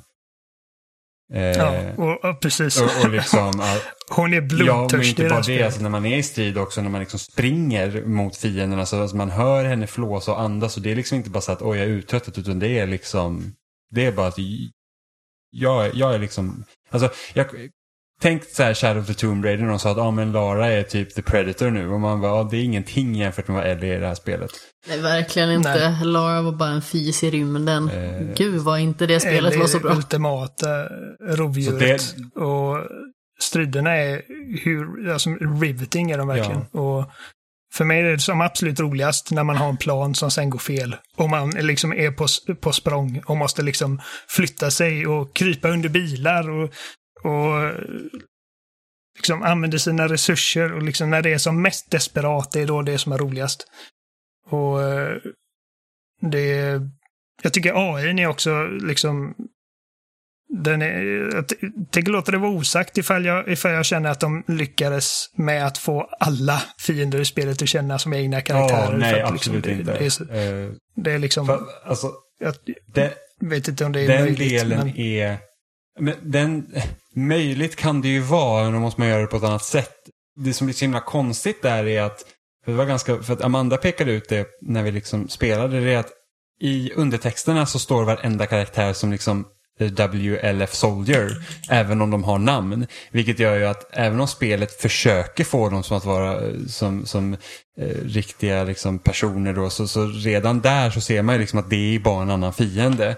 Och speciellt när karaktärer inte agerar olika beroende på vem det är som dör heller. De skriker ett namn och sen är det precis som det aldrig har hänt. Ja, men Så Det då var blir det liksom- så att den delen är egentligen onödig, för den gör egentligen ingenting. Nej, och sen så var det lite så att inte förrän vi hade pratat om att har vi märkt att de liksom har kallat varandra vid namn eller någonting sånt. Inte förrän då började vi lyssna efter det aktivt. Mm. Innan dess hade vi liksom inte reflekterat över det. Ja, Då känns det så- som att det är så lätt att det passerar förbi och då var det liksom typ eh, Wolf Soldier som skriker så här Shannon! Ja, men vi fick, Precis också, vi fick också två Shannon på rad. Så att det var liksom så här att okej. vi hade två Shannon i det här gänget. Det känns lite lustigt. Eh, men just det här alltså att, att, att Säg då att Shannons pojkvän Steve ser henne bli dödad liksom, och han agerar precis som vilken annan som helst. Liksom att, att det blir liksom ingen... Att jämför till exempel med Batman-spelen där liksom när du tar ut fiende efter fiende och de blir nervösare och nervösare. Det ger ju liksom en, en verklig spelmekanisk ändring beroende på hur du spelar. Ja, men Medan här så var det liksom ingen skillnad mer än att du kanske ska känna dig dålig. Liksom. Eh, Det är ingen som liksom faller ner på marken och bara Åh! du vet, liksom håller liket i armarna och vaggar det och gråter. Nej, nej, men det Nej. hade varit kul liksom att det hade funnits i så fall med, liksom, om du ska göra det så här, så att, liksom att okej, men den här fienden kommer agera annorlunda nu för att vi har dödat någon som den står nära. Liksom att det kan ju vara någon som bara säger att nej, men alltså jag fick typ, alltså min vilja att leva tog slut här. Liksom till exempel, den bara liksom bara sagt nej, det, fin- det är ingen mening liksom. Nej, men precis. Till exempel. Och då tror jag också, om man nu liksom på det här sättet då vill få spelarna att känna på något sätt empati eller vad som helst då för de här som man mördar som egentligen inte betyder någonting för en. Då hade också de behövt agera olika beroende på vad som händer. Ja, och Jag fick dock eh, dåligt samvete när jag sköt liksom en pil i huvudet på en hundledare och hunden vänder sig om och bara gnyr och liksom typ buffar på kroppen och bara vad fan hände? men Hundarna var ju det hundarna värsta ju döda. Alltså, Gud, första, hund, jobbigt. första hunden jag mötte och liksom, man vet så att okej den här kan liksom känna lukten av mig. Och jag vet, alltså, Jimmy med, fick panik. med erfarenhet från andra spel så hundar är alltid jävligt jobbiga. Eh, eftersom de liksom nosar. Så att jag bara så här, ja men jag, jag hade hammare så jag tänkte, ja, men jag, bara, jag liksom gör slut på hunden först. Och så slår man, alltså Ellie verkligen så här, typ tar den här jävla, alltså inte, inte den trubbiga delen på hammaren utan piggarna och bara så här typ, alltså uppercuttar hunden och så den flyger typ tre meter och bara det var ju liksom så här, jag, så här, jag har nog aldrig mått så dåligt över att dödat liksom en fiende i ett spel någonsin. Det var bara så här, bara, äh, fy fan. Alltså varenda gång man liksom konfronterades med hundar så var det liksom så här, att, alltså fy fan. ja, man jobbigt. försökte göra det så oblodigt och ljudlöst som möjligt. Ja, typ bara för att man skulle kunna få lätta lite på sitt Springer till andra samvete. sidan av världen och ställer sig med världens längsta kikarsikte och bara sniper, hör ingenting, Ja, perfekt. precis. Så bara, ah, en fis i rymden, vad skönt. Ja, Eh, men liksom människorna känner jag att, att inga fiender har liksom känt att det var jobbigt att döda. Det var liksom bara så att ni står i min väg, det är liksom bara ut. Ja, det hade varit ganska intressant, precis som du nämnde där med Batman, liksom att Batman, han är ju liksom ett rovdjur, precis som Ellie är ett rovdjur.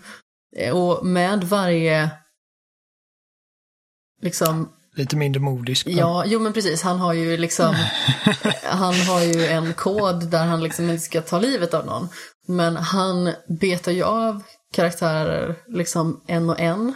Mm. På ett sätt som är väldigt metodiskt och som liksom eh, ska göra en liksom obehaglig inverkan på de fiender han möter. Eh, och man kan ju liksom i sin detective mode se någonstans att okej, nu har de liksom förlorat fler av sina allierade här. Pulsen går upp, de blir mer stressade och de börjar också agera mer irrationellt. Alltså de brukar liksom så här börja skjuta vilt omkring sig, eh, springer runt, skriker, eh, vänder sig om liksom i tid och otid. Eh, och liksom sådana Så kan grejer. man se liksom hjärt, hjärtslagen terrified. Ja, ja men precis. Då börjar de skjuta hej vilt. och bara, Where are you? Ja men precis, börja skjuta på gargoyles från ingenstans liksom. Och jag tycker att man behöver liksom inte göra exakt samma sak, men det hade varit intressant om det hade varit något liknande liksom att okej, det finns liksom ett mått av irrationellt agerande, för det är ju liksom så människor agerar när de kanske hamnar i chocktillstånd eller liksom när de blir överrumplade och liksom så här, vad ska de göra med vad som har hänt? För jag menar, människor är ju känslostyrda. Man kan aldrig stänga av alla känslor. Jag får ändå säga att stridsmekaniskt så tycker jag AI fungerar jävligt bra för att de, de, de lyckas alltid flanka mig på något jävla sätt. Det är alltid någon som lyckas liksom smyga sig runt mig och komma bakifrån och sätta ett shotgunskott i, i sidan och så tvingas jag liksom helt ompositionera mig och röja mig och så att på Ja. det sättet. Och den absolut coolaste upplevelsen jag hade med AI, det var liksom bara jag och en fiende till i ett rum fullt av infected. Eh, för det kommer en del där, där man är liksom i, i, i en mörk källare där det finns massa liksom clickers som bara liksom står och är inaktiva. Och så jagar efter dig liksom tre fiender och två av dem lyckas jag liksom stealth eh, kniva eh, utan problem. Men sen den sista så liksom visste jag inte riktigt vad den var. Så då, då kastade jag en tegelsten mot liksom andra änden av rummet där jag förmodar att den här människan satt. Och liksom fick alla clickers att dras till ljudet då liksom. Och, och den här jäveln, alltså jag hörde den säga 'fuck you' liksom. liksom typ tyst här, 'fuck you' typ. och så, så att den liksom, han, han liksom började slå han slog sönder, han gick till fönsterrutor och slog sönder tre stycken på olika ställen i rummet för att disorientera de här klickersarna som jag hade bussat på honom. Ja, men det var ju Eh. många sådana roliga grejer. Alltså på samma ställe liksom, där jag hade kastat, jag tror också det var en tegelsten som jag kastade liksom för att försöka att eh, förvilla eh, min och fiendernas gemensamma fiender då i de här infekterade. Och jag liksom springer åt andra hållet så kommer en nisse mot mig eh, som liksom inte är infekterad och jag liksom bara ah! Den personen bara springer förbi mig och så kommer infekterade från det hållet också. Ja. Och det var ganska roligt liksom och Nej, men han så- attackerar liksom inte mig ens. Han bara hej då, jag vill inte vara med längre, låt mig vara. Ja. Men det var, Nej, men det var så jävla coolt. Så han, han förstörde fönster och liksom eh, desorienterade de här infekterade och så liksom eh, satte han sig bakom en bänk någonstans. Och jag lyckades smyga mig fram där men så märker jag liksom att det står en klicker mellan mig och honom. Och spelet gör det tydligt för mig att den här liksom soldaten, fienden, har upptäckt mig nu. Han vet vart jag är så han siktar på mig men han vägrar skjuta mig för att det är en klicker alldeles bredvid. Det är en klicker mellan oss. Så vi är bara liksom två snubbar som sitter där och väntar liksom på att den ena ska göra väsen. Så att klicken liksom ska gå på och liksom han bara Fucking bitch, sa han till mig. Liksom. Så det var faktiskt Ja, jävligt coolt. Och, Och det är eh, roligt. eh, sådana grejer som man liksom inte ser mycket i liksom Det är actionspel. så här vilda västern-sekvens faktiskt. Här. man samarbetar så bra också. Som tidigare då när jag spelade så var det så här att en kille, han, han visste ungefär vart jag var. Så han satt bakom och jag Mm. väntade bara på att han skulle komma fram så jag kunde liksom skjuta skallen av honom. Sitter han där och väntar bara för att han vet att han har två stycken kompanjoner som är på väg åt mitt håll. Och man var liksom, hallå rör på dig liksom, fan. det, men annars, annars brukar jag inte vara med och så mycket saker för att jag är så här snabbt in, döda allt ut. Ja, men det, det, är som, det, det är lite så det blir för mig också. Liksom att jag försöker ta mig an alla liksom, innan, utan att de upptäcker mig. Men det är såna, liksom, när det blir sådana, liksom, där planen inte riktigt går som det blir och man tvingas improvisera, då händer det sådana coola grejer. Och jag vet, eh, de är också rätt bra på att, typ om jag skulle ligga liksom i högt gräs någonstans och snipa någon snubbe, så vet de inte exakt vart jag är, men de vet vart liksom ljudet kom från, så de börjar röra sig emot det, den platsen. Ehm, så att eh, jag gillar hur AI uh, fungerar i spelet. Ja, och inte att det är lika mycket sånt här att okej, jag sitter i högt gräs, ingen kan se mig någonsin igen. nej, nej, de, de ser dig liksom ifall de kommer nära nog. Det, Men jag, jag finner att det, spelet är lättare än första spelet. Alltså, Ja. Jag känner att man har, eh, just med att de liksom har gjort så att man är mer liksom rörlig på det sättet så känner jag liksom också att det, jag hade mer problem med första spelet. Jag också. Det finns liksom, jag vet inte, det känns som att man har fler möjligheter här. Och, och jag tycker också att man har mer resurser hela tiden än man hade i första. Men samtidigt så, det är så här, det är ganska svårt att avgöra också för nu vet jag hur klickers fungerar så jag vet liksom vad jag ska ta, liksom vad sparar man på, vad man liksom tar ja, det är med. Och, och sen känner jag också liksom att när man spelar som Ellie och man faktiskt inte behöver oroa sig över att förbruka resurser för att liksom knivhugga klickers, utan man har sin kniv. Så att de har inga problem, bara man kommer nära nog så, så dödar man dem. Ehm, så att, Men jävlar vad många Ja. gånger jag misslyckades med hoppa. Alltså, Ja, det- jag, det var det, det, Avsats avsats, kändes jättekonstigt. Det var så här, att nu kommer jag inte klara det. Jag bara, nej, jag klarar det. Och sen bara, nu är det ju lugnt. Och sen så hoppar hon helt skevt. Och man så bara, jaha, för att hon är så himla, på det sättet var hon så himla klumpig. Det är ju liksom inte Nathan Drake direkt. Nej, Jimmy skulle hoppa ner Nej, från nej, typ nej. Ett litet tak eller någonting, ungefär från ett garage och bara så här dog. Jag vet, det var också jättekonstigt. Av, alltså, höjden som Ellie kunde hoppa ner ifrån och inte dö på, det liksom ändrades lite då och då. För ibland var det så att, men här kan jag inte hoppa ner för att det här är högre än det stället jag dog på. Och då, då bara, nej, det är hit du ska. Det var jättemärkligt. Det var så himla fult när jag dog där, för hon bara så här, "Ah." Ja, det var också väldigt roligt. Och, så här, och sen så hoppa ner från typ ett litet garagetak liksom. Man hade liksom stukat knät på sin höjd. Och så kan vi bara säga att typ gitarrminispelet är typ bäst. Ah, ja. det är så jävla Det är imponerande. skit, jag kan inte spela gitarr så, så jag kan inte. Men liksom bara det att man kan spela andra låtar där beroende på vilken skala man liksom väljer att köra i är liksom Alltså, jättehäftigt. ifall du väljer liksom moll-D-ackordet så, så, faktiskt, så sätter de fingrarna i eh, D-moll. Och liksom, alltså, fingerplaceringen är rätt för alla ackorden. Och du har liksom touchpaden och liksom olika delar på touchpaden i olika strängar. Så du kan välja liksom att strömma uppifrån och ner och nerifrån och sen välja liksom specifika strängar. strängar. Vilket var liksom så här... Att jag, liksom, jag satt där en halvtimme och bara försökte spela låtar som jag, som jag kan på riktig gitarr. Liksom. Och det, det är ju svårt men det funkar och det låter bra. Och det är grymt snyggt animerat. Ja, och även sådana grejer typ som när, alltså bara sådana här tekniska detaljer. Alltså jag kan svära på att liksom det, det har tagit ett gäng liksom programmerare och anim animatörer en jävla massa tid att få liksom när Ellie tar av sig t-shirten. Ja. Eh, och t-shirten inte klippar igenom någon del av hennes kropp. Den liksom bara åker av precis som en t-shirt ska göra. Och även liksom med alla rep. Eh, liksom animationer och grejer när man ska slänga rep och grejer. Alltså, säkert folk som haft mardrömmar det. Fast det var det fulaste där med första gången man kommer åt ett rep eller det är en sladd man ska fixa. Eh, så ska man kasta över en staket. Men då är det så här, då är ju mm. inte, alltså, det går inte att som jag ska gå då dit vart jag ska... Ta den genom staketet? Nej, nej, alltså, nej, jag kan inte. Alltså när jag ska gå liksom förbi repet då så är jag liksom för... Jag är för lång för att kunna gå under den. Om man... Jag kommer liksom slå i sladden. Och det var ju liksom hela jävla rullen med rep bara slungades tillbaka dit från början. Så jag var såhär, vad fan, hur ska jag göra det här? Det är liksom lite konstigt. Ja, en sak som var så himla rolig, vi stötte ju på liksom en liten eh, teknisk knagglighet, alltså sånt som kan hända ibland.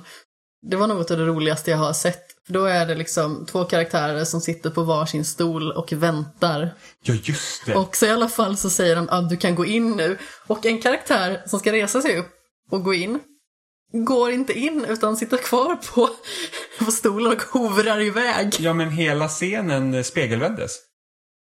Ja, det, det var så, så himla roligt. Alltså, hela scenen spegelvändes utom eh, liksom eh, Ellie som han styrde. Så att det var så det var så att hon liksom satt kvar.